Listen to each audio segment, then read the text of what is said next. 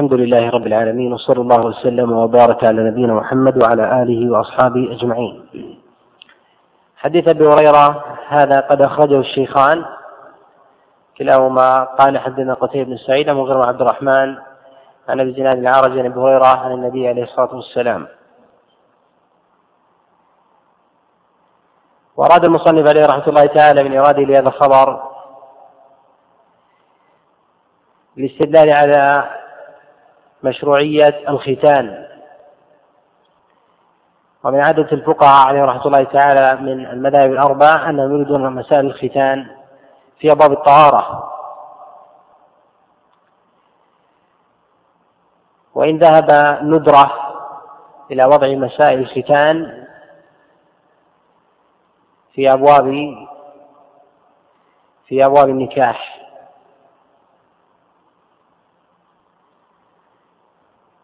والختان للرجال والخفض للنساء والختان سنة مشروع بإجماع العلماء إلا أنهم اختلفوا في وجوبه فذهب جماعة من الأئمة وهو قول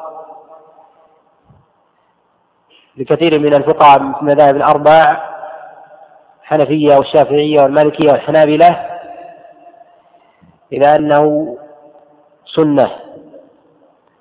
وذهب الجمهور إلى وجوبه للرجال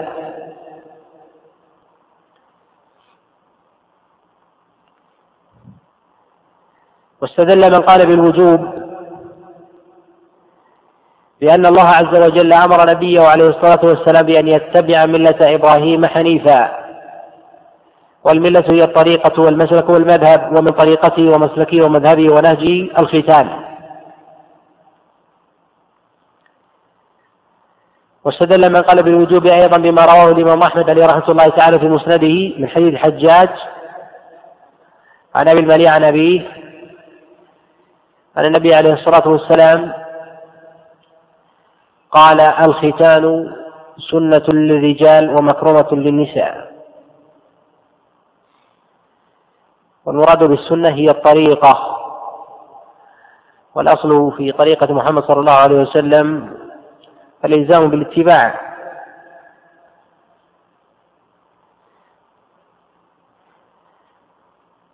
والقول بالوجوب هو مذهب الحنابلة والشافعية وقال الحنفية والمالكية إلى أنه سنة.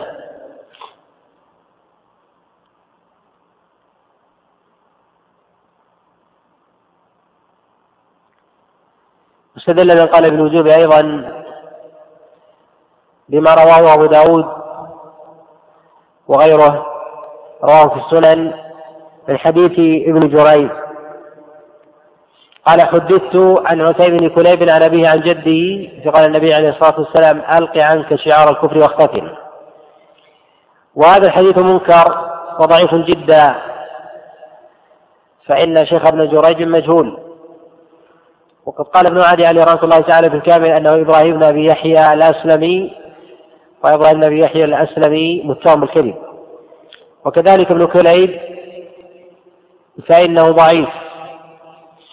وقد قال في الإمام أحمد عليه رحمة الله تعالى شيخ. ومثل هذا الحديث لا يصح مثل هذا الإسناد.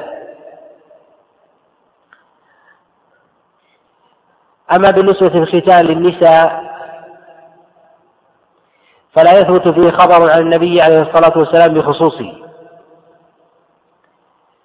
ولذا قال المنذر عليه ولذا قال المنذر عليه رحمة الله تعالى ليس في ختان النساء خبر ثابت ولا سند ولا سند يتبع.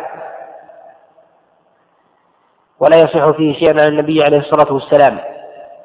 ولا حديث الوالدة كلها واهية. ومن استدل استدل بعموم على حديث عن النبي عليه الصلاة والسلام. وجماهير العلماء بل عامتهم على أنه سنة ومشروع للنساء. وقال بعضهم بوجوبه.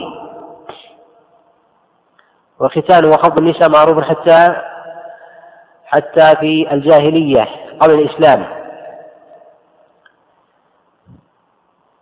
وقد شدد فيه بعض الصحابة عليهم رضوان الله تعالى فقد عن عبد الله بن عباس من غير وجه أنه قال لا تقبل صلاة الأقلف. يعني الذي لم يختتم. والأقلف يطلق على الرجل لا يطلق على المرأة. أقلف وإنما الأقلف هو ما يقابل المختتن وهنا مسائل في الختان أولها متى يشرع الختان؟ ذهب بعض العلماء عليه رحمة الله تعالى وقال الإمام مالك إلى أن الختان من من سنة السابعة للعاشرة. واستدل بظاهر قول النبي عليه الصلاة والسلام مروا ابناءكم بالصلاه لسبع واضربوهم عليها لعشر قالوا فإذا أمر الصبي بهذا الفعل فلا شك أن وهذا متعلق بوليه أن يأمره بالصلاة ولا إثم عليه فوليه مأمور بختانه من السبع إلى العشر. وهذا بحاجة إلى دليل. وهذا الدليل ظني وليس بقطعي. ولا بعض الفقهاء إلى أنه معلق بقبل البلوغ وأنه يجب قبل هذه المدة وإذا بلغ وجب عليه وقبل ذلك مؤكد وسنة. واستدلوا بما رواه البخاري عليه رحمة الله من حديث سعيد بن جبير أنه سأل عبد الله بن عباس عليه رضوان الله تعالى قال مثل من كنت حينما قبض النبي عليه الصلاة والسلام. قال أنا يومئذ مختون وكانوا لا يختن لا يختنون الصبي حتى يدرك.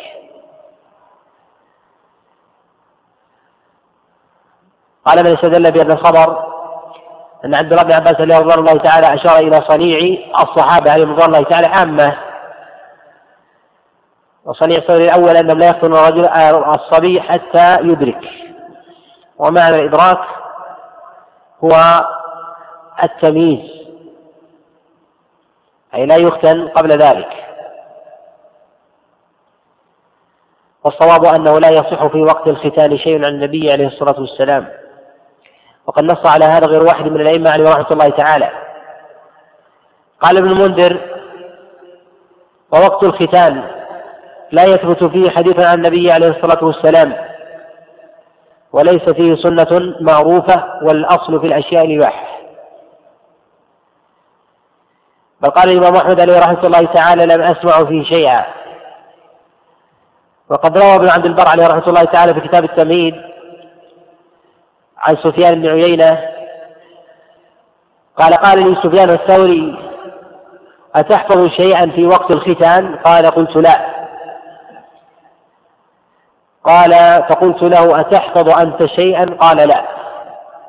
وإذا قال أحمد عليه رحمة الله لم أسمع في شيئا. ونص على هذا الشيخ صالح تيمية رحمة الله على أنه لا يحفظ في شيء عن النبي عليه الصلاة والسلام. والأصل فيه أنه الإباحة على التخيير. استدل البعض ممن قال بأن الصبي يختل في سابعه وفي أيامه الأولى بما رواه الطبراني في حديث ابن الجراح عن عبد الملك عن عطاء عن عبد الله بن عباس قال سبعة سنة في الصبي ثم ذكر من الختان وهذا لا يصح إسناده فإن في إسناد الجراح هو ضعيف. واستدلوا أيضا بما رواه الطبراني من حديث زهير محمد عن محمد المنكدر عن جابر عبد الله عليه رضوان الله تعالى أن النبي عليه الصلاة والسلام عق عن الحسن والحسين وختنهما لسابعه للسابع. وهذا الحديث يروى من حديث وليد بن مسلم عن زهير. وذكر الختان في هذا الخبر منكر. تفرد به الوليد نص عليه بعض الأئمة عليه رحمة الله. والصواب في عدم ذكر الختان وأن النبي عليه الصلاة والسلام عق عن الحسن والحسين من غير ذكر الختان. إذا فيبقى الختان على الأصل. أنه بلا توقيت. وأنه في حق الرجال سنة مشروعة شرعها الله عز وجل على لسان النبي عليه الصلاة والسلام. وهي من سنن خليل إبراهيم عليه الصلاة والسلام كما في حديث الباب أن إبراهيم الخليل اختتن وله ثمانون سنة. وقد نص بعض العلماء عليه رحمة الله تعالى أن أول من اختتن هو الخليل إبراهيم.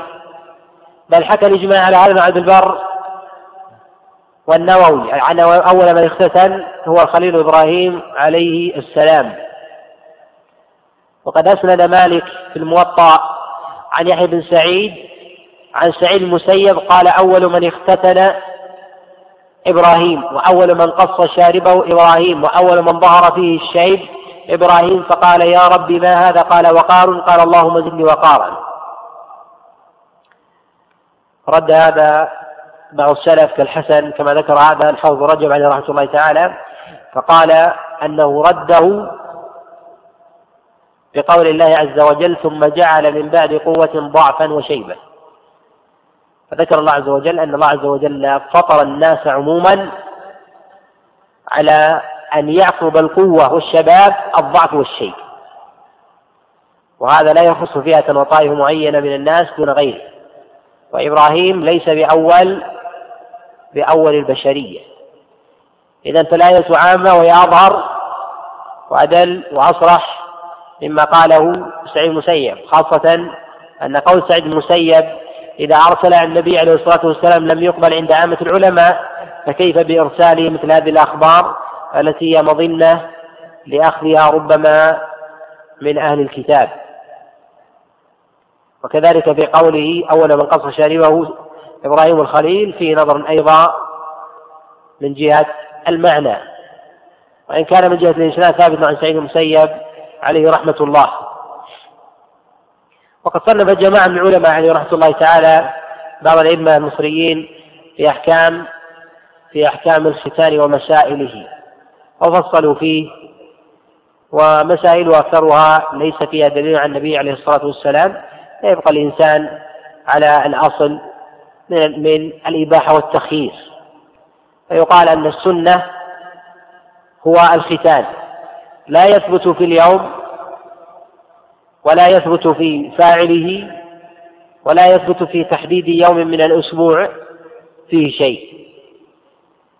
ولكن يفعله متى؟ متى قدر عليه. أما الكافر إذا أسلم فإن السنة متعلقة بحقه أيضا. لكن يقال إن خشي الهلاك والضرر فإنه لا يفعله. وقد علم بالواقع أن بعض من أسلم أمر بالختان وأخبر بوجوبه بعد كبره. طبعا فترك الإسلام. يقال إذا خشي من الردة أو خشي من أن ينفر من الإسلام فإنه لا يؤمر به حتى يتمكن الإيمان من قلبه. ثم بعد ذلك يدرك معنى معنى الختان وأهميته في الإسلام. وإن خشي الشخص على نفسه الضرر والهلكة فإنه لا يفعله. وإن تيقن ذلك حرم عليه. لأن حفاظه على نفسه أولى من اتباعه للختان فالختان من المؤكدات في الشرع وحفظ النفس من الواجبات العظام بل إهلاك النفس من الكبائر. نعم. وعن ابن عمر رضي الله عنهما أن النبي صلى الله عليه وسلم نهى عن القزع متفق عليه.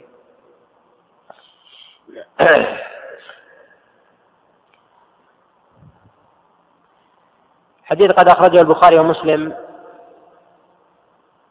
من حديث عمر بن نافع عن نافع مولى عبد الله بن عمر عن عبد الله بن عمر عليه رضوان الله تعالى. والأصل في النهي أنه للتحريم. ما لم تدل دلالة على أنه لغيره. وإلى هذا ذهب الإمام أحمد عليه رحمة الله تعالى صراحة وعمل به أهل الظاهر. ومعنى القزع قد اختلف العلماء عليه رحمة الله تعالى في تأويله على قولين. ذهب بعضهم وقال الشافعية والحنابلة على أن القزع هو الأخذ بعض الرأس من أي من أي من أي موضع كان. المعنى الثاني وقال به جماعة من الفقهاء على أن القزع هو الأخذ من مواضع متعددة من الرأس. وإذا أخذ من موضع واحد فلا يسمى قزعا والصواب هو المعنى الأول. أنه إذا أخذ من أي موضع من الرأس سمي حالقا لبعض رأسه تاركا للبعض الآخر. ويسمى قزعا. وهل هو محرم أو مكروه؟ ذهب جمهور العلماء وقال الحنفية والمالكية والشافعية والحنابلة على أن القزع مكروه وليس محرم. وذهب ابن حازم وقال الظاهرية على أن القزع محرم والصواب أنه مكروه وليس محرم. هذا الذي عليه عامة العلماء عليه رحمة الله تعالى. وقد ذكر الحافظ رجب عليه رحمة الله أن جمهور العلماء قالوا أن النهي إذا دل على التأديب والإرشاد والدلالة فإنه يدل على يدل على الكراهة. لا يدل على التحريم. وكذلك الأمر إذا دل على التأديب والتربية فإنه يدل على الاستحباب لا يدل على الوجوب. وهذا قول مضطرد في أمثال هذه المسألة. وقد أشار إليه حافظ عبد البر عليه رحمة الله تعالى في بعض المواضع من كتاب التمهيد. ومن قال بالوجوب كابن حزم وداود الظاهري والظاهري عامة استدلوا بأن الأصل بالأمر النهي.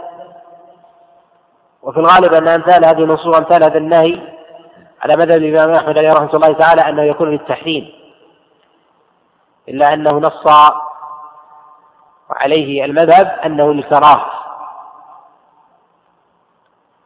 ويستثنى من هذا سورة إذا تضمن هذا تشبعا بأهل الكفر فإنه يكون محرما لاقتران القزع بالتشبه والتشبه الأصل فيه التحريم. لأن النبي عليه الصلاة والسلام قال كما في المسند والسنن من تشبه بقوم فهو منهم.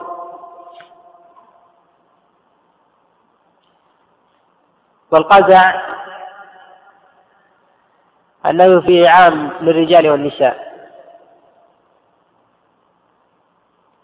وبعضهم خصه بالصبية والصواب العموم. وقد حكى النووي عليه رحمة الله تعالى اتفاق العلماء على أن النهي النهي عن القزع إنما هو للكراهة لكراهة التنزيه لا للتحريم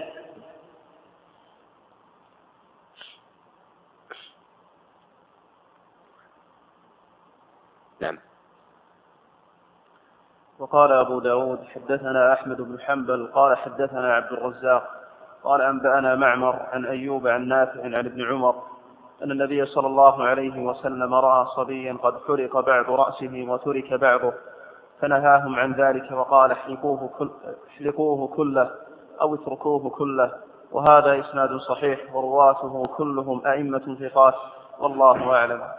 في هذا دلالة على أن المسلم إذا رأى منكرا يبادر بتغييره ويبادر بنهيه.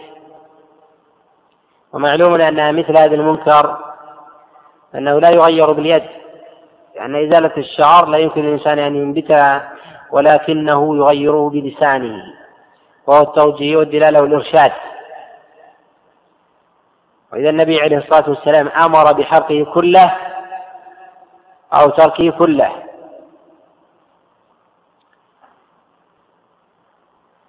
وبهذا يستدل لمن قال أن القزع منهي عنه منهي عنه للتحريم.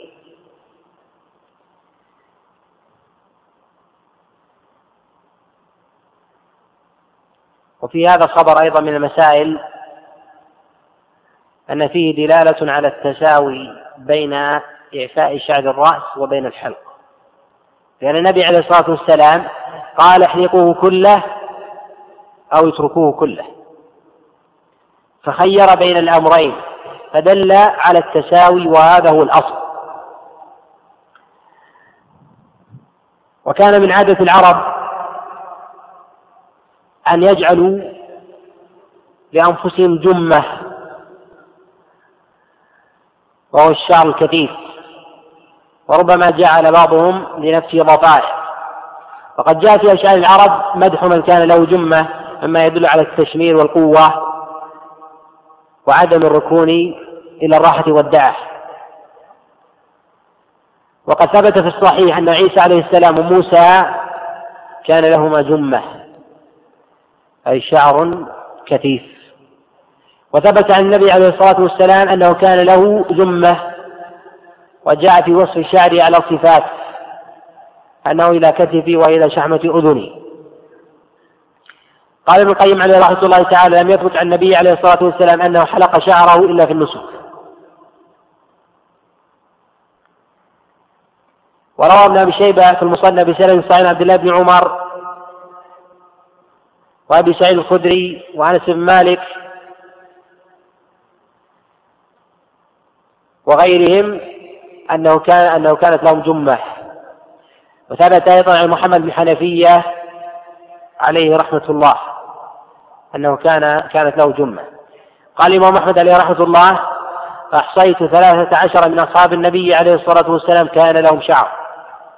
وسئل الإمام أحمد عليه رحمة الله تعالى عن ترك الشعر قال سنة حسنة إلا أن الإمام أحمد عليه رحمة الله تعالى لم يكن له جمة ولا شعر. وسئل عن ذلك فقال لو قدرنا عليه لفعلناه فإنه بحاجة إلى تعاهد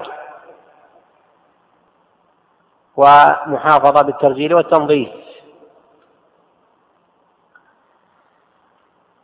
وذهب جماعة من العلماء عليه رحمة الله تعالى كابن عبد البر وغيره إلى أن ترك الشعر وهو ظاهر أيضا دلالة هذا الخبر لأن ترك الشعر ليس من السنة وهو من العادات التي يشارك فيها أهل الإسلام العرب عموما وهي من العادات التي سرت ولقيت كلبس العمامة وغيرها. ولذلك فإن الأفعال التي يفعلها النبي عليه الصلاة والسلام على ثلاثة أقسام. القسم الأول فعل عبادة وهذا الأصل من أفعاله عليه الصلاة والسلام أن كل فعل يفعله النبي عليه الصلاة والسلام هو فعل فعل عبادة. ما لم يصرف هذا الفعل صارف من العبادة إلى العادة. النوع الثاني فعل عادة. وهي التي لا يراد بها العبادة وهذا تعرف وهذه تعرف بالقرينة. كان يشترك في هذا الفعل عامة الناس من المسلمين والكفار. كلبس العمائم ولبس الجبة ولبس الإزار والرداء فإن هذا موجود في عصر النبي عليه الصلاة والسلام وقبله كان عن العرب فبقي النبي عليه الصلاة والسلام على ذلك. ويدخل فيه في نظري إعفاء إعفاء الرأس. ولذلك قال ابن عبد البر عليه رحمة الله تعالى كان كان الناس يحلقون رؤوسهم من غير نكير. قال ولما كان إعفاء شعر الرأس شعارا للجند تركه العلماء. الضرب الثاني فعل جبلة كالنوم والأكل والشرب مما جبل عليه الناس بشتى أنواعهم وطوائفهم وجاء النبي عليه الصلاة والسلام. فهذا ليس من باب التشريع وهذا يعرف باشتراك سائر الناس فيه فإن كل الناس يأكلون وكل الناس يشربون وكل الناس يمشون وكل الناس يقومون ويقعدون ويقعدون. ويقال أن هذا الفعل فعل جبلة جبل الله عز وجل عليه الناس. فلا يقال النبي عليه الصلاة والسلام يمشي تلك المشية يريد بها التعبد. فالنبي عليه الصلاة والسلام كان يمشي كأنما يمشي من صبب. أي كأنه منصب. في عجلة. فيقال ربما والأغلب أن مشية الإنسان مجبول عليه. لا يتكلف هذه المشية. فيقال أن مثل هذه المشية لا تكون سنة لأنها لأنها جبلة. يجبل عليها يجبل عليها الناس. وهذا والدلالة في هذا الخبر ظاهرة. في قوله عليه الصلاة والسلام اتركوه كله أو اتركوه كله الدلالة على التساوي. نعم. باب صفة الوضوء وفرائضه وسننه. عن يونس قال باب صفة الوضوء وفرائضه وسننه. الفرائض هي الواجبات. وقال بعض العلماء وقال المالكية عن الفرائض وكذلك قال الحنفية الفرائض. آكد من الواجبات. وعند الجمهور أنها متساوية الفرائض والواجبات والسنة هي ما ثبت عن النبي عليه الصلاة والسلام من قول أو فعل أو تقرير. وزاد بعض الأئمة من الأصوليين وغيرهم أو صفة خلقية أو خلقية. والذي يظهر والله أعلم أن إضافة هذه إضافة هذه هذه الصفات الخلقية والخلقية فيه نظر. أما قولهم الصفة الخلقية فالصفة الخلقية لا علاقة للإنسان بها. لا علاقة للإنسان بها. فالصفة الخلقية فالنبي عليه الصلاة والسلام كان عظيم اليدين عظيم القدمين خلقه الله عز وجل على ذلك. قالوا ويدخل في الصفة الخلقية إعفاء اللحية وإعفاء شعر الرأس. فيقال هذا من باب الترك لا من باب الصفة الخلقية. فإن قالوا بل هو من باب الصفة الخلقية يقال لهم أن النبي عليه الصلاة والسلام ترك فعل أشياء وعد بأن تركه لهذا الشيء سنة. فهل يعد من باب الصفة الخلقية أو من باب الفعلية؟ يعد من باب الصفة الفعلية السنة الفعلية لأنه باب من الترك. فيقال لماذا عددته هنا صفة فعلية ومن باب التروك؟ وهنا عددته سنة خلقية مع أنه من باب التروك أيضا. فيقال أن إضافة الخلقية فيما يظهر أنه ليس له وجه ظاهر وأنه من باب التروك وباب التروك سنة والترك داخل داخل في الفعل. النبي عليه الصلاة والسلام ثبت عنه أنه ترك كذا وترك كذا وترك كذا كما جاء في حديث كثيرة مما تركه النبي عليه الصلاة والسلام وكان فعله سنة. فأين يكون هذا الحكم؟ يكون من باب الفعل. أما قولهم أو صفة خلقية. الصفة الخلقية يقال أنها داخلة في باب الفعل أيضا أو داخلة في باب القول. فالنبي عليه الصلاة والسلام حينما يهش ويبش في وجوه الناس صفة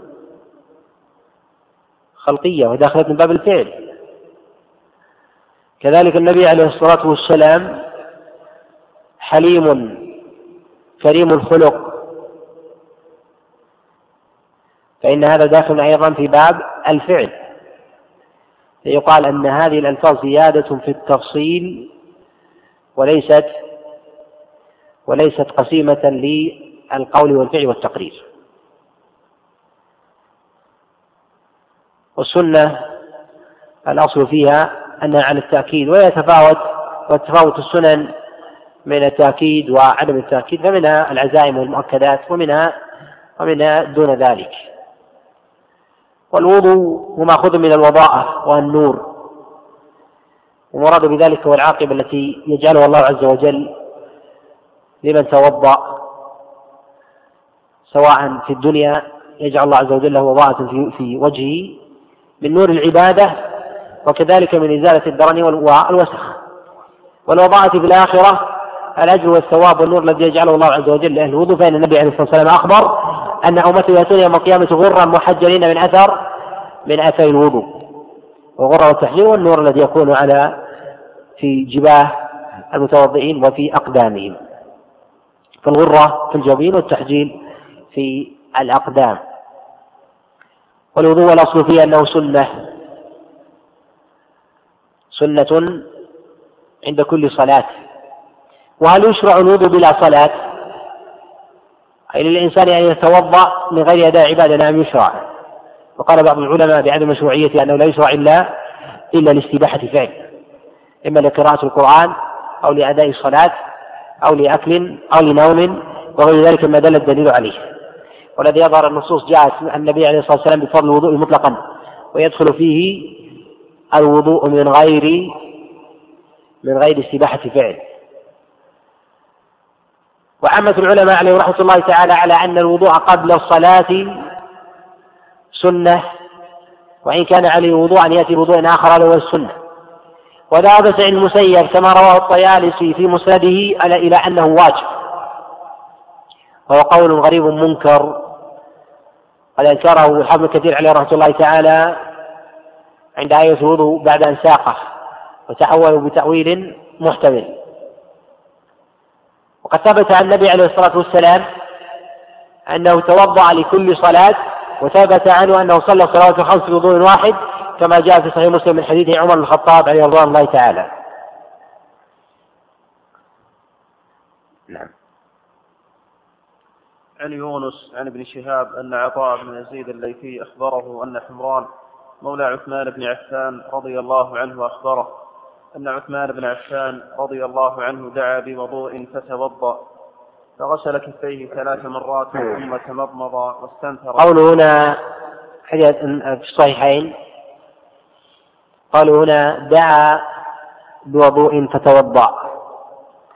دعا بوضوء فيه دلالة على جواز طلب الإعانة في الوضوء. أن يعين الإنسان أن يصب عليه فيه دلالة الجواز. ومن ذهب إلى المنع فلا دليل عليه.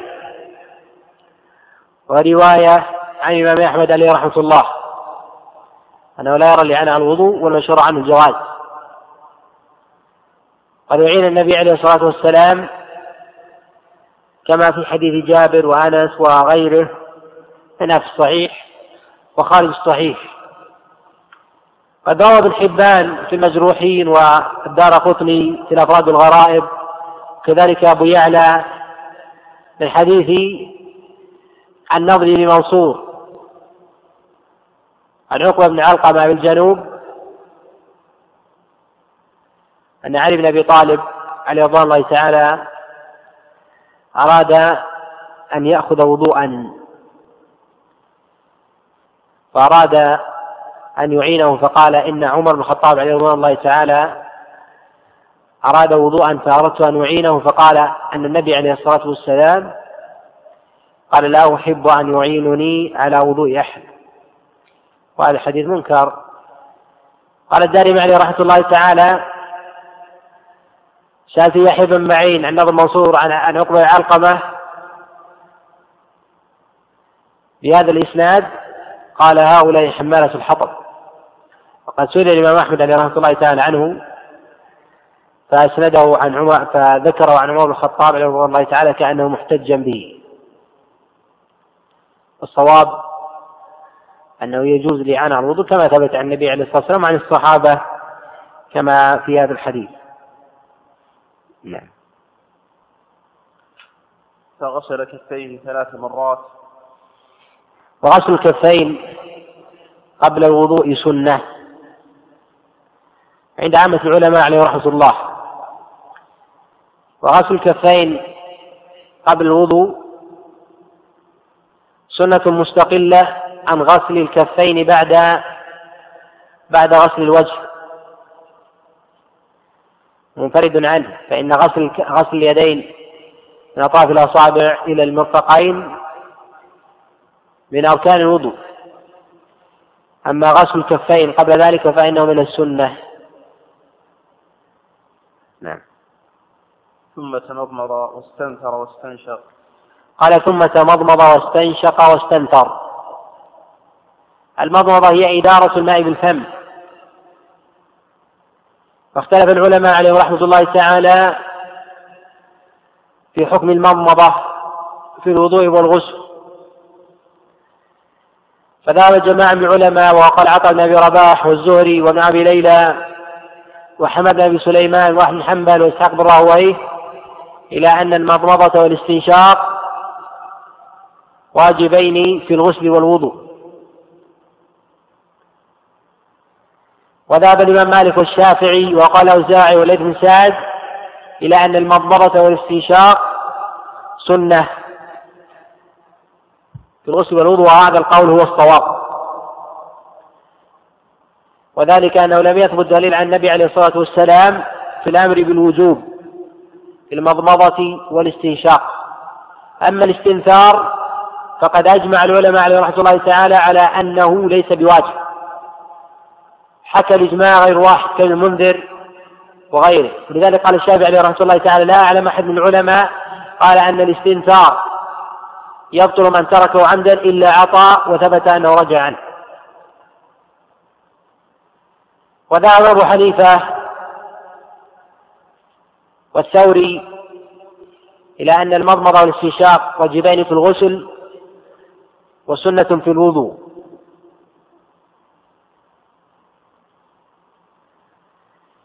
قد روي عن الإمام أحمد عليه رحمة الله تعالى أيضا في رواية وقول أبي ثور وأبي عبيد القاسم سلام لأن المضمضة واجبة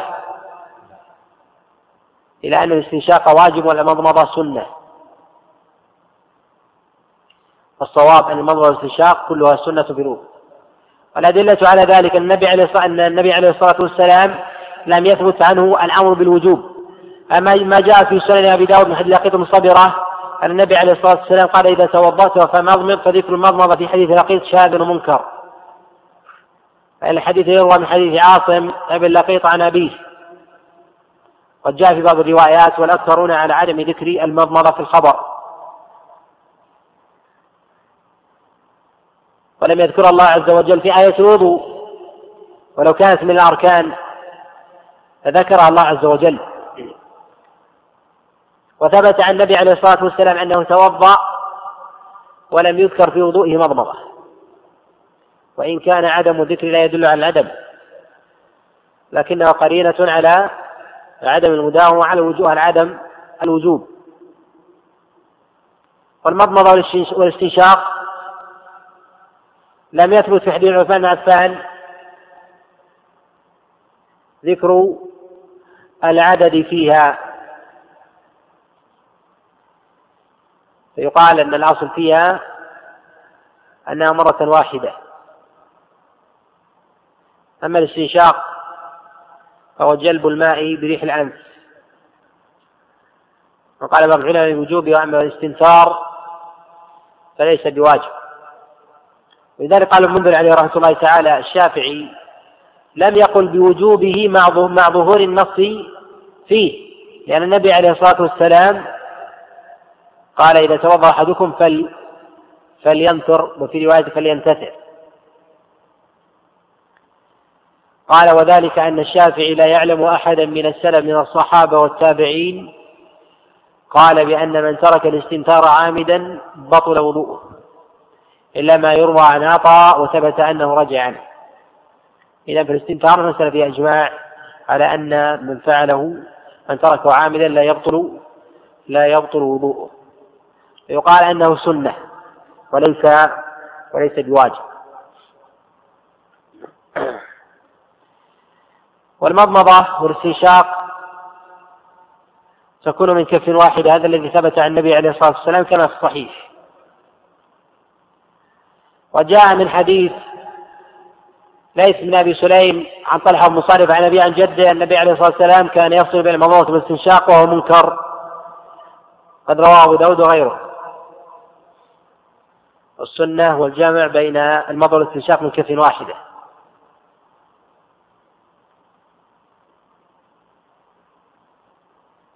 نعم. ثم غسل وجهه ثلاث مرات. قال ثم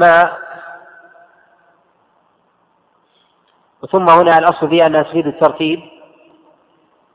عند العرب وهذا الأصل فيها ما لم يكن هناك دلالة أو قرينة على عدم على عدم الترتيب. وإن كان وجد في لغة العرب أن ثم تفيد الترتيب الذكري لا تفيد الترتيب الفعلي. وإن كان الترتيب الفعلي هو الأغلب والأعم ولذلك قال الشاعر بأن ثم تفيد الترتيب الذكري قال قل لمن ساد ثم ساد أبوه ثم ساد بعد ذلك جده. ومعلوم أن الجد يسود قبل ثم ابنه ثم حفيده. لكنه راجع عدم الترتيب هنا. وكذلك في قول الله عز وجل قل تعالوا ثم حرم ربكم عليكم ثم قال الله عز وجل بعد ذلك ثم آتينا موسى الكتاب. فدل على المراد ترتيب الذكر ذلك. كذلك في قول الله عز وجل قل تعالوا ولقد خلقنا الإنسان ولقد ولقد خلقناكم ثم صورناكم ثم قلنا للملائكة. ومعلوم أن التصوير قبل الخلق فالمراد هو الترتيب الذكري. لا ترتيب فعلي إلا أن الان الأغلب هو أن ثم تفيد ترتيبا فعليا لا ترتيبا ذكريا. إلا لقرينه دلالة تدل عليه. ورد بعضهم هذا البيت الشعري قالوا أنه جاء بعد بعد احتجاج بعد نهاية الاحتجاج بأشياء العرب وهي في آه، في 150 عند نحويين أن الاحتجاج بأشعار العرب عند الأعراب إلى 150 وعند الحاضرة إلى رأس المئة. وهذا الشعر بعد جاء بعد ذلك.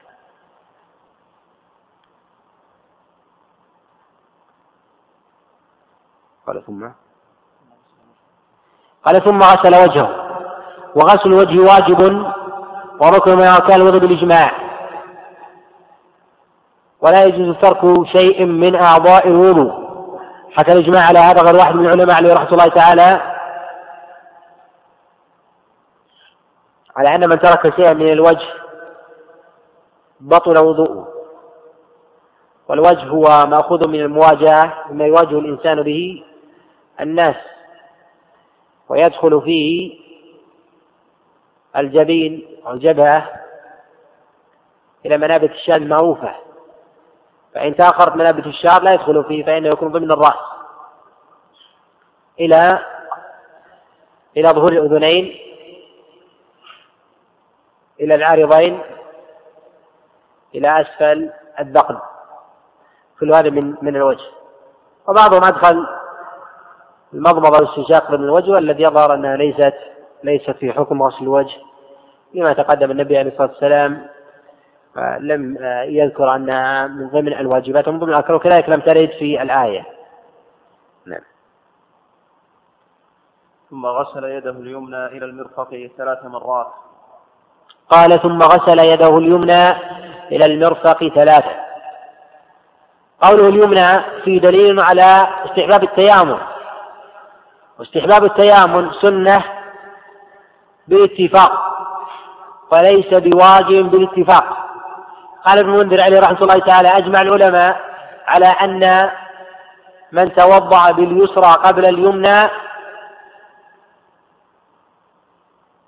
أن وضوءه صحيح وليس بباطل. بل ذهب أبو حنيفة عليه رحمة الله على أن من توضأ منكسا من غير ترتيب عمدا أن وضوء صحيح. والصواب أن الترتيب واجب. لأن النبي عليه الصلاة والسلام عقب الرواة عنه بثم مما يفيد الترتيب. والمداومة على هذا الفعل تدل على الوجوب. وكذلك فعل النبي عليه الصلاة والسلام وافق ما في الآية فهو مفسر لها والأمر في الآية ظاهر. قد روي عن جماعة من الصحابة عليهم رضوان الله تعالى كعلي بن أبي طالب كما رواه عبد الرزاق المصنف والمنذر في الأوسط من حديث أبي إسحاق عن الحارث الأعور عن علي بن أبي طالب عليه رضوان الله تعالى أنه قال لا أبالي باليمنى ابتداء باليسرى قال ولا تبالي إلى أي جانبيك انصرفت الأيمن أو الأيسر فقال لا أبالي أبتدأت باليمنى بيد اليمنى أو بيد اليسرى أو برجل اليمنى أو برجل اليسرى أم, أم إلى أي جانبي انصرفت يعني في الصلاة. وهذا لا يصح إسناده عن علي بن أبي طالب رضي الله تعالى فإنه قد ثبت عن أبي إسحاق السبيع أنه قال لم أسمع من حد الأعور إلا ثلاثة أو أربعة أحاديث وقد نص عليه شعب الحجاج الإمام أحمد والنسائي والدار قطني وهذا مشهور عن أبي إسحاق السبيعي عليه رحمة الله. وروي أيضا عن عبد الله مسعود كما روى عبد الرزاق في المصنف حديث الأحوال عن مجاهد عبد الله. عن عبد الله مسعود عليه رضوان الله تعالى أنه قال لا أبالي بأي بأي يدين بأي اليدين ابتدأت. وكذلك روي عن جماعة من السلف من التابعين وغيرهم. والمسألة في إجماع كما حكى المنذر عليه رحمة الله تعالى أن من توضأ باليسرى قبل اليمنى أنه وضوء صحيح وليس وليس بباطل. وأن السنة هو التيامن. ولذلك النبي عليه الصلاة والسلام حتى على هذا وفعله. ولذلك قد روى الإمام أحمد وأبو داود أن النبي عليه الصلاة والسلام كان إذا توضأ ابتدأ بيمينه. قد روى الإمام أحمد وأبو داود وابن خزيمة في الصحيح حديث زهير عن شأن صالح عن هريرة النبي عليه الصلاة والسلام قال إذا توضأتم وإذا لبستم فابدأوا بما يملكم وهذا الحديث فيه أمر. هل يقال الوجوب أم لا؟ هذا خبر إسناد الصحيح لكن إدخال الوضوء فيه شاذ ومنكر. فقد خالف فيه زهير الثقات كالأعمش. فإن الأعمش رواه عن فإن شعبة رواه عن الأعمش. عن أبي صالح عن أبي هريرة قال إذا لبس أحدكم فليبدأ بيمينه. فإدخال الوضوء فيه شاذ شعبة أوثق من زهير في رواية الأعمش. ورواية شعبة أصح. يقال أن التيامن هنا الحث فيه على اللباس وكذلك هو مستحب أيضا حتى وإن ثبت في الوضوء فهو محمول على الاستحباب. وقد قال النبي عليه الصلاة والسلام لما غسل النساء ابنته قال ابدأن بميامنها ومواضع الوضوء منها. فأمر البداية في اليمين سواء في غسل الميت أو في الوضوء. ونحو ذلك فإن المسألة فيها آه، شبه اتفاق العلماء عليهم رحمة الله. وغسل اليد يكون من أطراف الأصابع إلى المرفقين. أما غسل اليد من نهاية الكف مصل الكف إلى المرفق والاكتفاء بذلك فهذا ليس بصحيح. وهو مخالف لما عليه عامة العلماء عليه رحمة الله تعالى. فمن فعل ذلك بطل وضوءه. فليجب استيعاب الغسل من أطراف الأصابع إلى إلى المرفقين.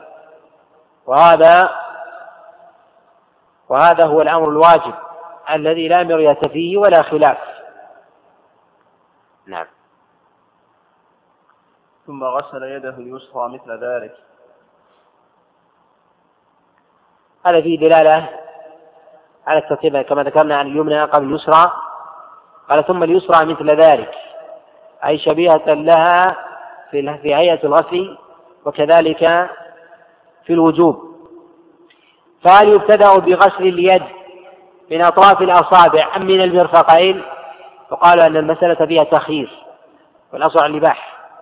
فإن غسل من أطراف الأصابع المرفقين المرفقين لأطراف الأصابع المسألة فيها تخيير ولا دليل ثابت عن النبي عليه الصلاة والسلام في هذا. وإن كان قد قال بعض السلف بعض الفقهاء الأولى أن يبتدئ من أطراف الأصابع هذا ليس ليس عليه دليل عن النبي عليه الصلاة والسلام والعبرة والحجة بالوحي. وما عدا ذلك فيستأنس به. نعم. ثم مسح رأسه. قال ثم مسح رأسه. مسح الرأس. من الواجبات ومن أركان الوضوء أيضا. ولا يجوز وضوء بلا مسح الرأس.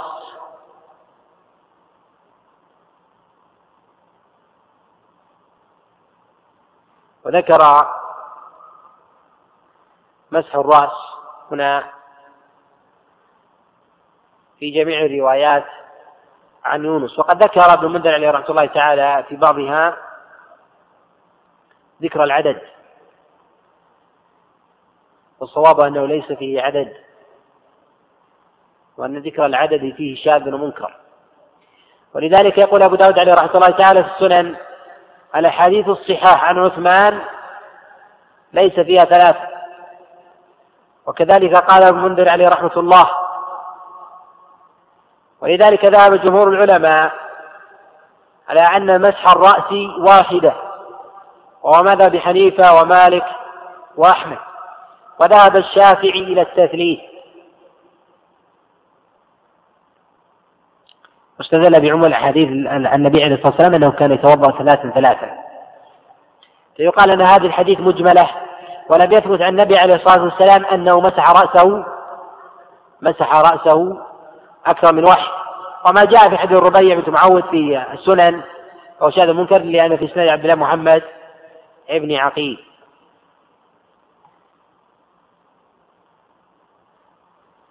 ولا يصح النبي عليه الصلاة والسلام. وجاء في بعض الأحاديث زيادة ذكر التثريد وهي شاذ ومنكر بل قال بعض الأئمة وقال ابن دقيق العيد لا أعلم أحدا من السلف كان يمسح رأسه ثلاثا إلا إبراهيم التيمي. وفي هذا نظر فإنه قد ثبت عن غيره. فقد روى ابن أبي شيبة المصنف عن أبي الأعلى عن قتادة عن أنس بن مالك أنه كان إذا توضأ مسح رأسه ثلاث. وروى ابن أبي شيبة أيضا في المصنف من حديث إسرائيل عن عطاء عن سعيد بن جبير وميسر وزادان أنهم كانوا إذا توضأوا مسحوا رأسهم ثلاث. والعبرة بالدليل ولم يثبت عن النبي عليه الصلاة والسلام أنه مسح رأسه أكثر من واحدة. وعلى هذا جمهور العلماء وقول أبي حنيفة ومالك وأحمد. وعليه جماهير السلف والخلف خلافا للشافعي ومن قال بقوله. أما مسح الرأس فآيات التي ثبت عن النبي عليه الصلاة والسلام أنه بدأ بمقدم رأسه حتى انتهى إلى إلى قفاه ثم ردهما يعني يديه إلى المكان الذي بدأ منه. وهذا وهذا هو السنة عند جمهور أهل العلم. وذهب الحسن صالح بن حي إلى أنه يبتدئ من الخلف. واستدل بظاهر قول النبي بما جاء النبي عليه الصلاة والسلام أنه أنه أقبل بيديه وأدبر. فيقال أن الإقبال هنا مضاف. يضاف إلى ماذا؟ لابد أن يضاف إلى جهة. فهل أقبل إلى خلفه أو أقبل إلى إلى وجهه؟ فربما يكون الإقبال هنا إقبالا إلى الوجه وربما يكون الإدبار إدبار إلى الخلف وربما يكون العكس. لكن رواية الأشهر أنه بدأ بمقدم رأسه وهذا نص صريح يفسر المجمل. أما أنه بدأ أن أما أنه أقبل بيديه وأدبر فالواو يقال أنها لا تدل على العطف لا تدل على الترتيب تدل على العطف. كذلك أيضا أن الإقبال والإدبار لابد أن يضاف إلى شيء وإنما هنا يضاف إلى ماذا؟ يكون هذا مفسر بما جاء في الصحيحين بدأ بمقدم رأسه. وهذا هو الذي عليه جمهور أهل العلم عليه رحمة الله. واختلف العلماء عليه رحمة الله في استيعاب غسل الرأس. فذهب جمهورهم إلى وجوب إلى وجوب الاستيعاب. قد نص عليه مالك. ورجحه البخاري فقد ترجم في الصحيح بقوله باب مسح الرأس كله. ونص عليه ابن علية فقال قد أوجب الله تعالى مسح الرأس كله. كما أوجب غسل كما أوجب غسل الوجه كله عند وجود الوضوء ومسح الوجه كله عند التيمم. فكما أنه لا يجوز غسل بعض الوجه عند الوضوء ولا مسح بعضه عند التيمم كذلك مسح الرأس. ذهب الإمام أحمد عليه رحمة الله تعالى إلى أن الواجب مسح أكثر الرأس لأنه يطلق عليه الشعر. وذهب حنيفة إلى أن المسح يطلق إلى أن المسح لابد أن يكون للربع فما فما فما زاد. وخفف الشافعي عليه رحمه الله تعالى فقال إلى أنه يجب مسح ثلاث شعرات فما فوق. بل روي عنه أنه يجوز مسح شعرة واحدة لأنه يطلق عليها رأس.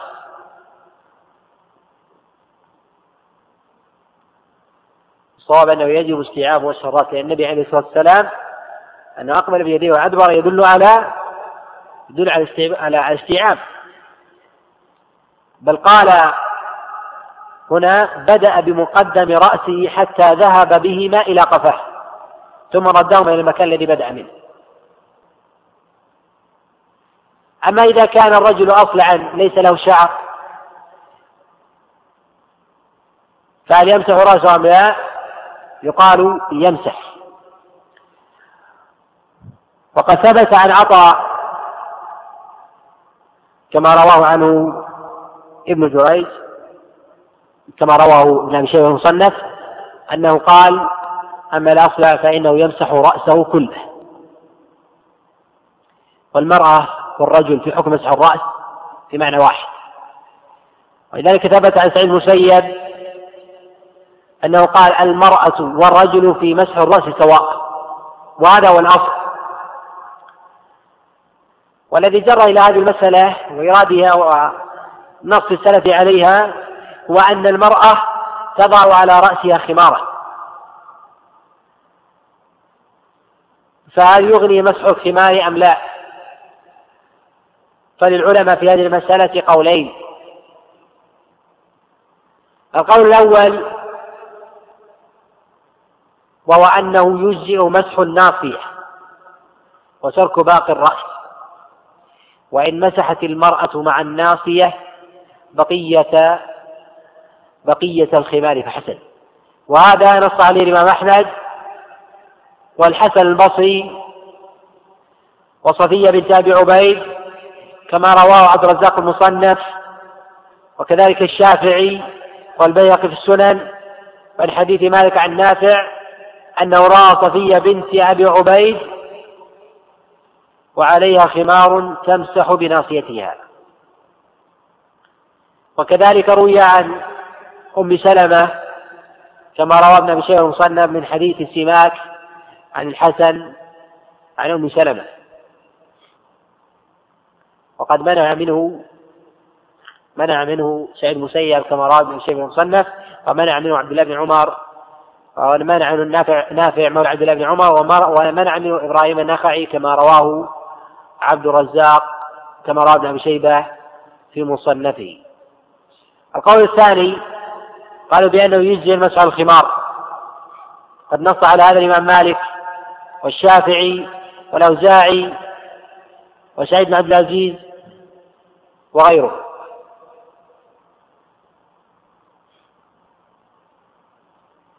أما من كان عليه إمامة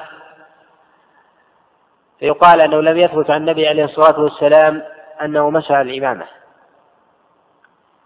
وما جاء مرسلا عن عطاء فمعلوم بالإرسال. فقد روى الشافعي وعنه البيهقي من حديث من حديث مسلم خالد الزنجي عن ابن جريج عن عطاء مرسل عن النبي عليه الصلاة والسلام أنه كان عليه إمامة فمسح بناصيته وعن الإمامة.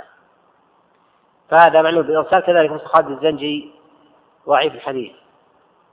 فقد روى هذا الحديث أيضا من غير طريق نص خالد الزنجي رواه ابن ساعد في الطبقات من حديث مندل عن ابن جريج به أي عن عطاء مرسل عن النبي عليه الصلاة والسلام. وروي أيضا من غير هذا الطريق عن النبي عليه الصلاة والسلام ولا يثبت عنه. أن النبي عليه الصلاة والسلام مسح عن المعصية لم يثبت. وقد ذكر بعض الفقهاء من الحنابلة وغيرهم أنه ثبت عن عائشة أنها مسحت بمقدم رأسها وفي هذا نظر. فلم أقف على إسناده بل أن ثابت عن عائشة رضوان الله تعالى أنها مسحت بمقدم رأسها حتى استوعبت حتى استوعبته كاملا كما جاء في سنن النسائي وغيره. أما من كان له ضفائر فهل يقال بوجوب مسح الضفائر المتدلية يقال بأنه يمسح أصل الرأس من غير تتبع للضفائر. وإن مسح الضفائر فحسن خروجا من الخلاف في هذه المسألة. أما من كان شعره كثيفا وقد هذبه ويخشى عليه الانتفاش أن أقبل بيديه وأدبر فقد نص الإمام أحمد عليه رحمة الله تعالى من خشي على رأسه الانتفاش أن يمسحه إقبالا أو إدبارا على هيئة على هيئة لا ينتشر معها كما نص الإمام أحد عليه رحمة الله تعالى. نعم. ثم غسل رجله اليمنى إلى الكعبين ثلاث مرات. قال ثم غسل رجله اليمنى.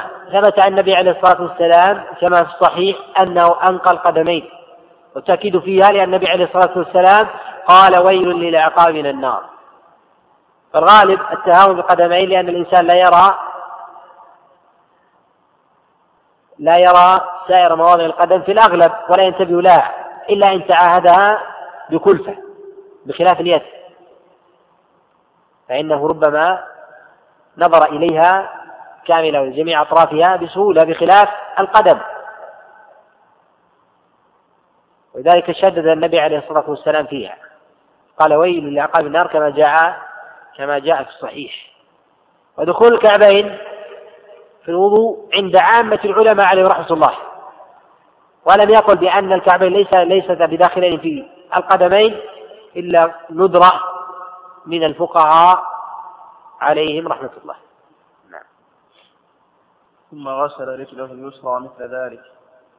قال ثم غسل رجله اليسرى مثل ذلك. فيه فيه من الدلالة ما تقدم ذكره من من التيامن وكذلك من الوجوب. ثم قال رأيت رسول الله صلى الله عليه وسلم توضأ نحو وضوء هذا ثم قال ثم قال رسول الله صلى الله عليه وسلم من توضأ نحو وضوء هذا ثم قام فركع ركعتين لا يحدث فيهما نفسه. وفي قال هنا ذكر وضوء النبي عليه الصلاة والسلام. فيه دلالة أنه ينبغي للعالم أن يعلم الناس في المسائل التي يغلب عليهم عدم فهمها بالفعل. ولذلك عثمان بن عفان مثل بالعمل فتوضا أمامه. وكان بإمكانه أن يكتفي بالقول يختصر وقتا وجهدا لكن الفعل هو الذي يبقى في الأذهان أكثر مما تبقى الأقوال. ولذلك هنا ذكر بعض الأئمة قد أشار إليه الإمام أحمد عليه رحمة الله تعالى أن من كان خفيف الضبط وقليل الرواية وروى حديثا بقصة فإنه هذا قرينة على ضبطه الخبر. أما إذا روى قولا فإنه قد يضبطه وقد لا يضبط. فإذا روى الراوي خبرا وفيه قصة قد يكون له معاينة لها فإنه يكون ضابطا ضابطا لها أما الأقوال فقد يضبط وقد لا يضبط. نعم. وفي هذا دلالة على مشروعية صلاة ركعتين بعد الوضوء وأن تدخلوا في هاتين الركعتين آه، في كل الأوقات في أوقات النهي وغيره فالصواب أنها تدخل. ويأتي الكلام على هذا بإذن الله عز وجل في كتاب الصلاة. قال ابن شهاب وكان علماؤنا يقولون هذا الوضوء أسبغ ما يتوضأ ما يتوضأ به أحد للصلاة. متفق عليه وهذا لفظ مسلم. قال البخاري ثم تمضمض واستنشق واستنثر نعم. وعن فطر وعن فطر عن أبي فروه عن عبد الرحمن بن أبي ليلى قال رأيت عليا توضأ فغسل وجهه ثلاثة وغسل ذراعيه ثلاثة ومسح برأسه واحدة. ثم قال هكذا توضأ رسول الله صلى الله عليه وسلم. رواه أبو داود عن زياد بن أيوب عن عبيد الله بن موسى عن فطر. ورواته صادقون مخرج له في الصحيح. وأبو فروة اسمه مسلم بن سالم الجهني. هذا الحديث إسناده صحيح كما أشار إلى هذا المصنف عليه رحمة الله تعالى. وقد روي غير هذا الطريق فقد رواه الإمام أبو داود والنسائي وابن ماجه من حديث خالد بن علقة عن أبي خالد عن عبد طالب عليه رضوان الله تعالى. وقد رواه أبو داود والترمذي والنسائي من حديث أبي حية عن علي بن أبي طالب عليه رضوان الله تعالى. وقد روي أيضا من حديث المنهال بن عمرو عن زرع علي بن أبي طالب عليه رضوان الله تعالى وهو كما قال أبو حاتم عليه رحمة الله تعالى فقال الصواب أنه حديث المنهال عن أبي حية عن علي بن أبي طالب عليه رضوان الله تعالى وصار فيه هذا حديث أبي حية وأبو حية مجهول. ولا يصح حديثه هذا وهذا الطريق يغني عنه. وفيه النص على مسح الرأس واحدة.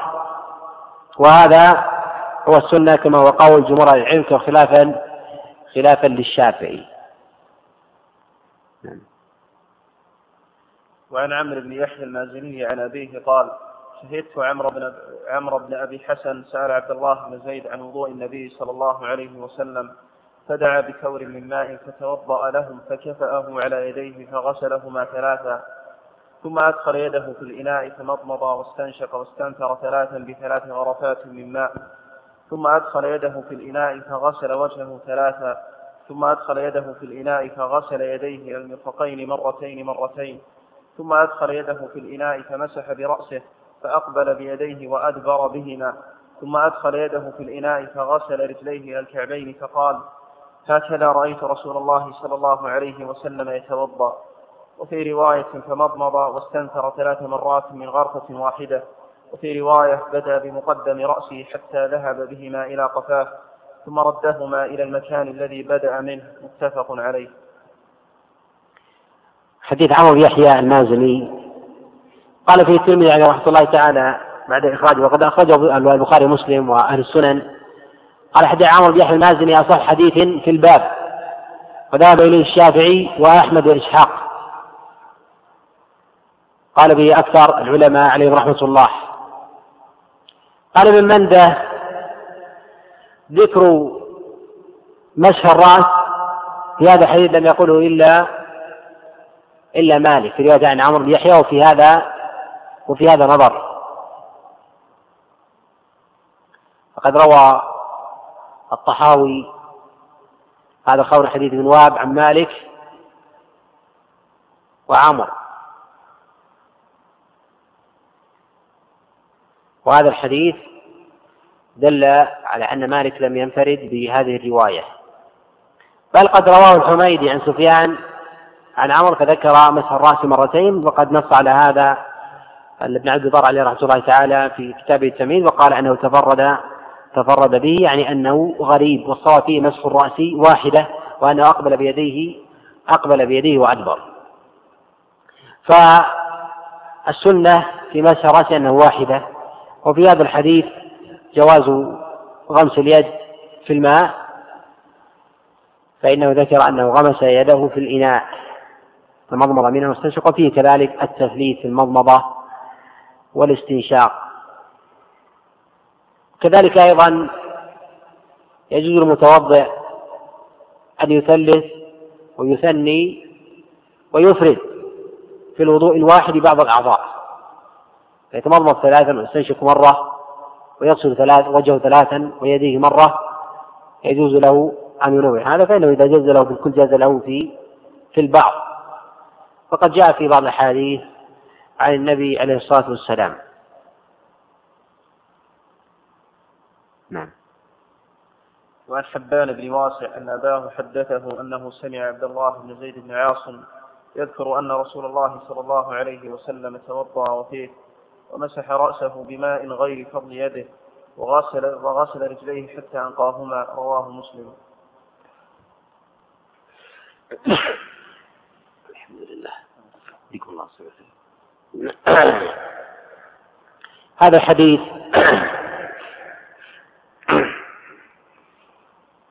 هذا الحديث قد أخرجه الإمام مسلم كما أشار إلى هذا المصنف عليه رحمة الله تعالى من حديث عمر بن حارث عن حبان بن واسع. والسنة أن يأخذ لرأسه غير فضل يديه. وثبت هذا عن عبد الله بن عمر كما روى ابن أبي شيبة المصنف.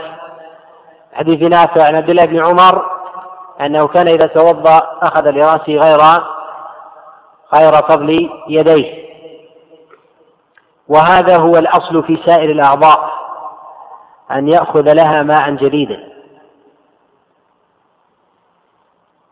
وإن حصل المقصود بما بقي في الكف أو اليد من ماء فإنه يجزي عنه والأولى أن يأخذ لكل عضو ماء.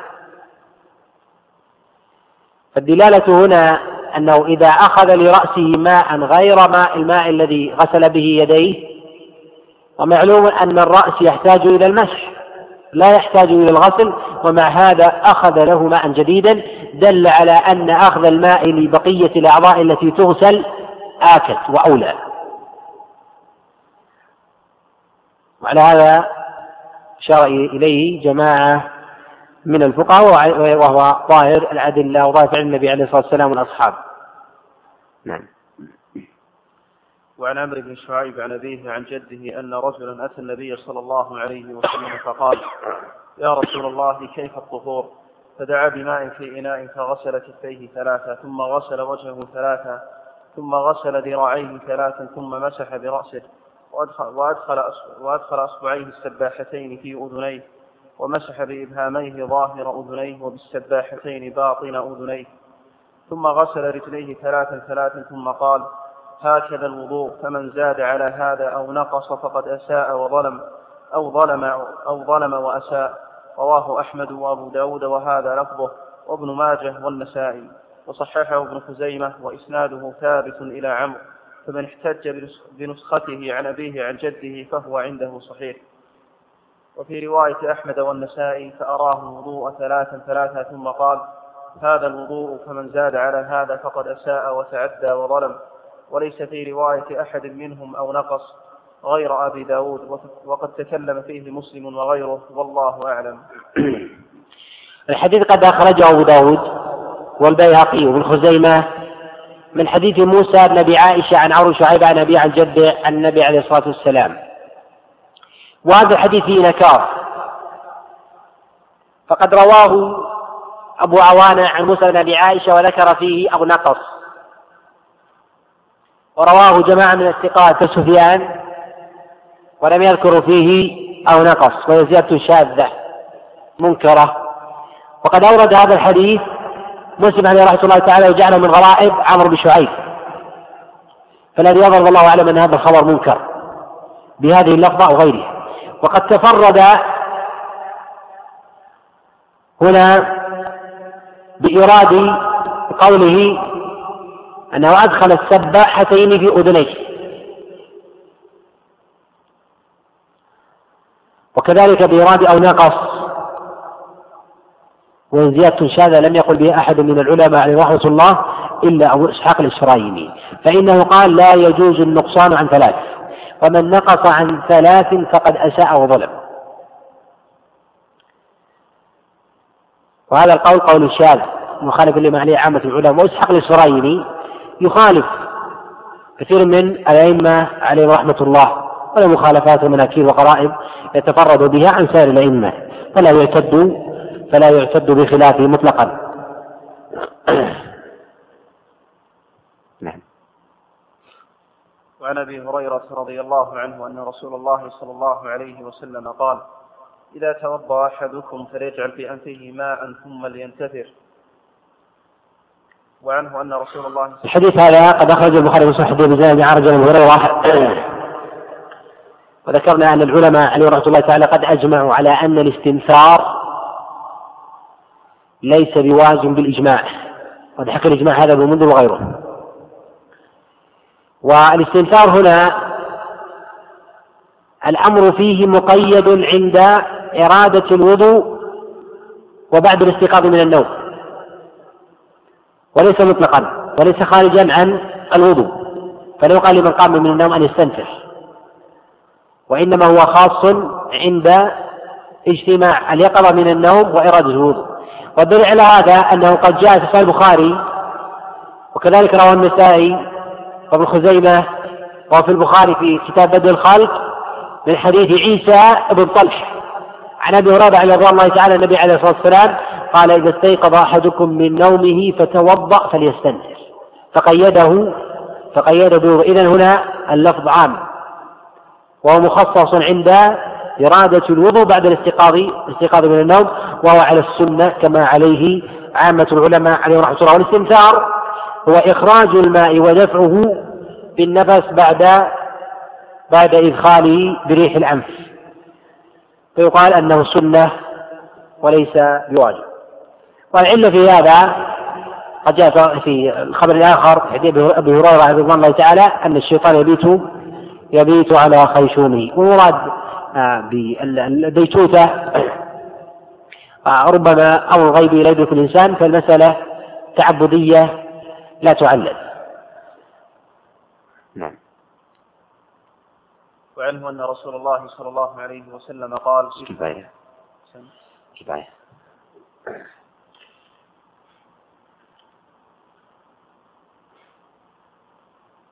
حديث النبي صلى الله عليه وسلم حينما قال لا يحدث بهما نفسه فهل المقصود الوضوء والصلاة أم المقصود الركعتين؟ المراد الركعتين. لا يحدث بهما نفسه أي الركعتين أن يكون خاشع القلب حاضر البال غير شارد وليس المراد الوضوء. طبعا قد نص بعض الفقهاء على أنه لا يشرع إشغال البال عند الوضوء. بل قالوا أنه لا يشرع الذكر عند الوضوء لأن الوضوء عبادة وإدخال الذكر عبادة أخرى هذا قول غريب. وتتبع الآراء الغريبة ليس بجيد. نعم.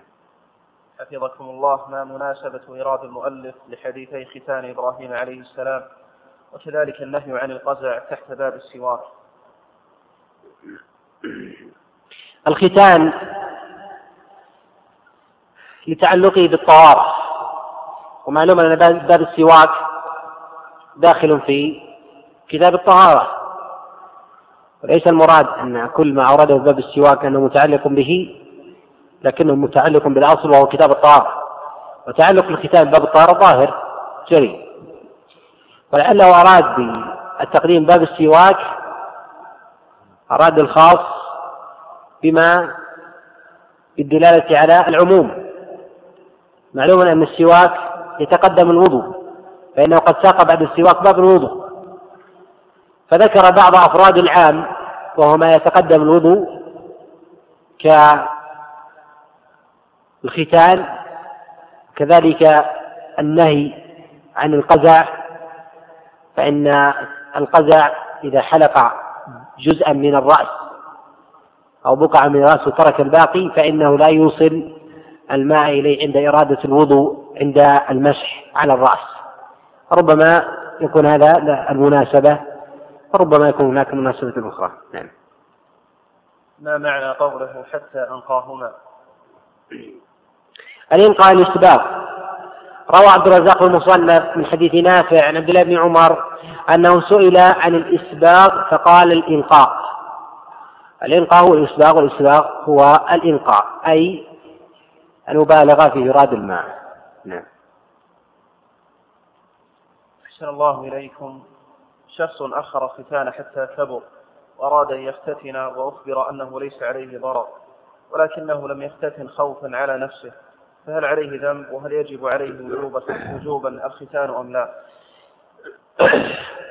إذا قال له الخبرة والمعرفة أن الختان لا يضره وهذا هو المعروف هذا المعتاد خاصة مع التقدم الطبي أن الختان لا يضر لا يضر الإنسان خاصة مع وجود الأمور الحالية من البنج والتنويم وكذلك المطهرات وغير ذلك ما يبعد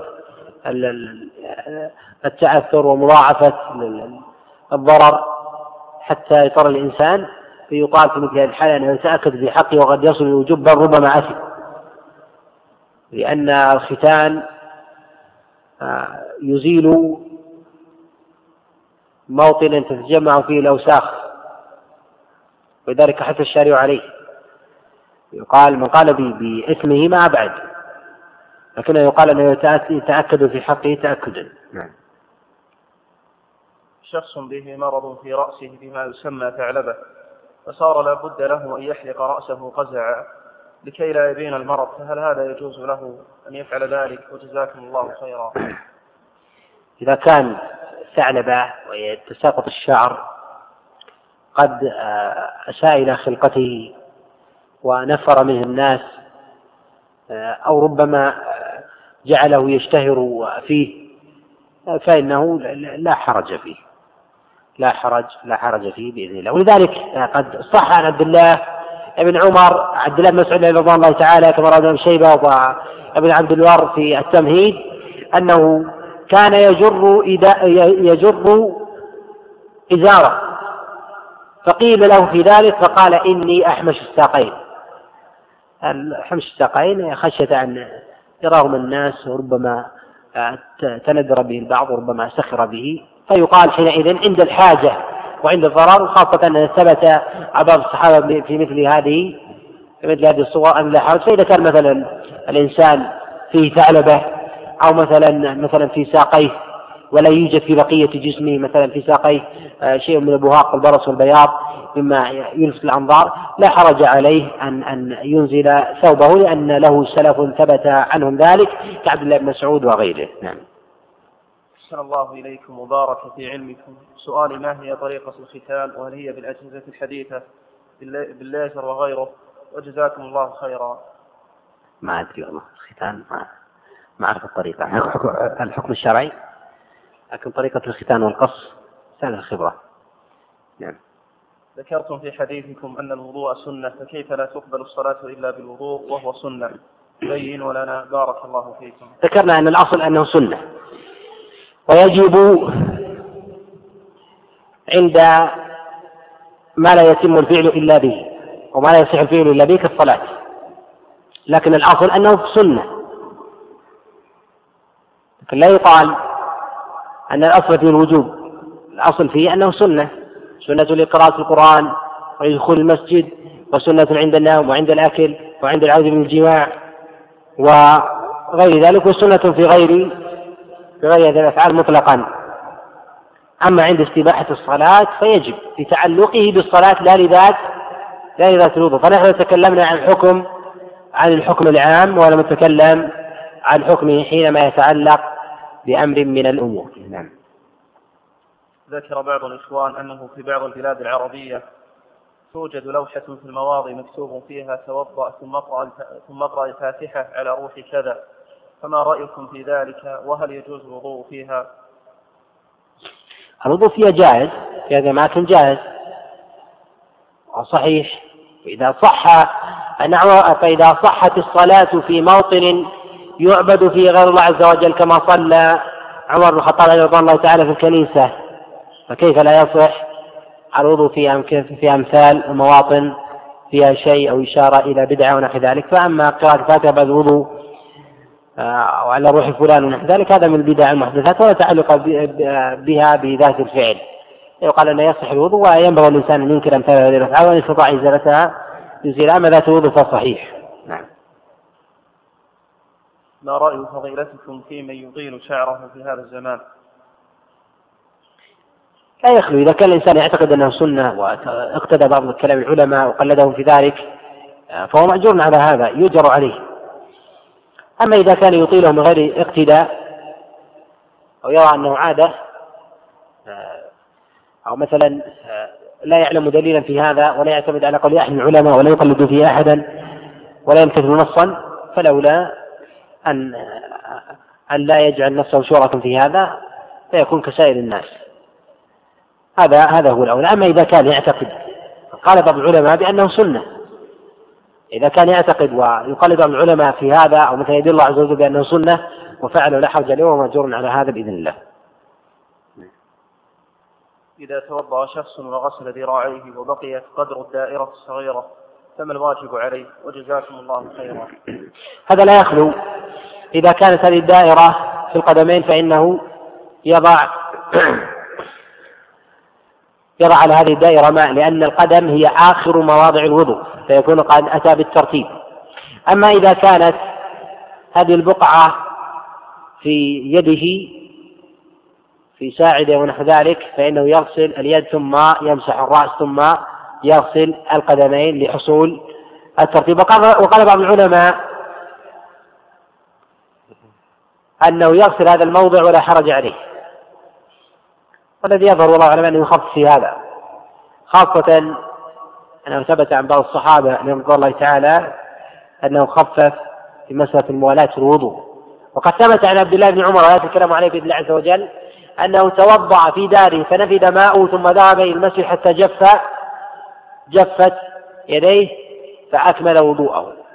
وثبت عن غير من الصحابة رضي الله تعالى فيقال عن الترتيب لا يشرب لكن يكون المدة المدة معروفة. لا يقال الإنسان مثلا يتوضأ آه، آه، في مثلا آه، الصباح ثم يكون وضوء أو الظهر ونحو ذلك. لا يقال أن الإنسان مثلا يتوضأ في بيته ثم نفد عليه الماء أو توقف الماء ثم يذهب إلى إلى المسجد يكون وضوء لا حرج في هذا. أو مثلا توضأ ونقص عليه الماء ثم ركب السيارة ليبحث عن ماء يكون فيه وضوءه حتى جفت قدميه أو جفت يديه ونحو ذلك لا حرج لا حرج عليه أن يكون من غير إعادة الوضوء. والله أعلم. أحسن الله إليكم. هل يثبت في المبالغة في غسل العينين من الوجه أثر؟ لم يثبت في الأشياء عن النبي عليه الصلاة والسلام. جاء فيه خبر لكن لا يصح عن النبي عليه الصلاة والسلام.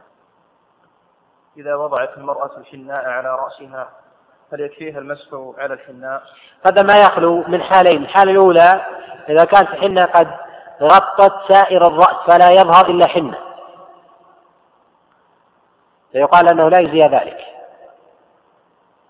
أما إذا ظهر شيء من الرأس وهذا هو الأغلب يظهر من من الشعر أجزاء من بين الحنة فإنها تمسح وتبغي الحنة. ويندر جدا أن تغطي الحنة كل الرأس لا يظهر منه شيء. نعم. فضيلة الشيخ السلام عليكم ورحمة الله وبركاته. هل يجب عليه أن يغسل أسفل قدميه كلها كلها؟ وما حكم الترتيب بين المضمضة والاستنشاق؟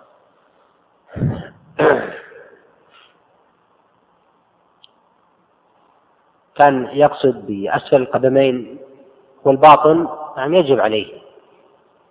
يجب عليه أن يغسل باطن القدمين وظاهرها. أما ترتيب المضمضة والاستنشاق فالمضمضة هي قبل الاستنشاق والسنة هو الترتيب. سنة الترتيب فيها. فإذا قلنا ورجحنا أن المضمضة والاستنشاق أنها سنة فعكسها كذلك لا حرج فيه. وصلى الله وسلم وبارك على نبينا محمد وعلى آله وصحبه